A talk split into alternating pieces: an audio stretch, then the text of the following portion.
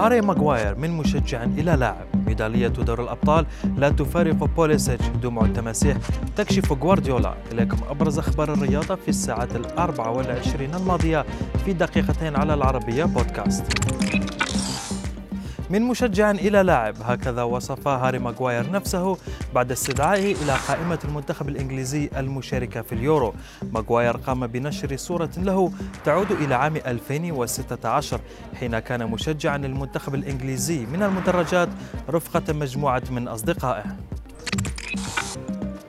بعد فوزه بدوري أبطال أوروبا قرر اللاعب الأمريكي كريستيان بوليسيتش إضافة وشم جديد إلى جسده. لكن الملفت في الموضوع بأن لاعب نادي تشيلسي ظهر بالميدالية الذهبية لدور الأبطال أثناء رسم الوشم الجديد. وعلق البعض بسخرية على الصور قائلا بأن بوليسيتش لم ينزع الميدالية منذ تتويج فريقه. في ظاهرة غريبة على السوشيال ميديا كسر اللاعب ألكسندر سورلوث الرقم القياسي للتعليقات على صورة واحدة وذلك بعد تخطيها حاجز ثلاثة ملايين تعليق. وتعود هذه التعليقات لجماهير ترابزون سبور حيث طلبته بالعودة إلى النادي بعد تألقه في الموسم المنقضي مع الفريق.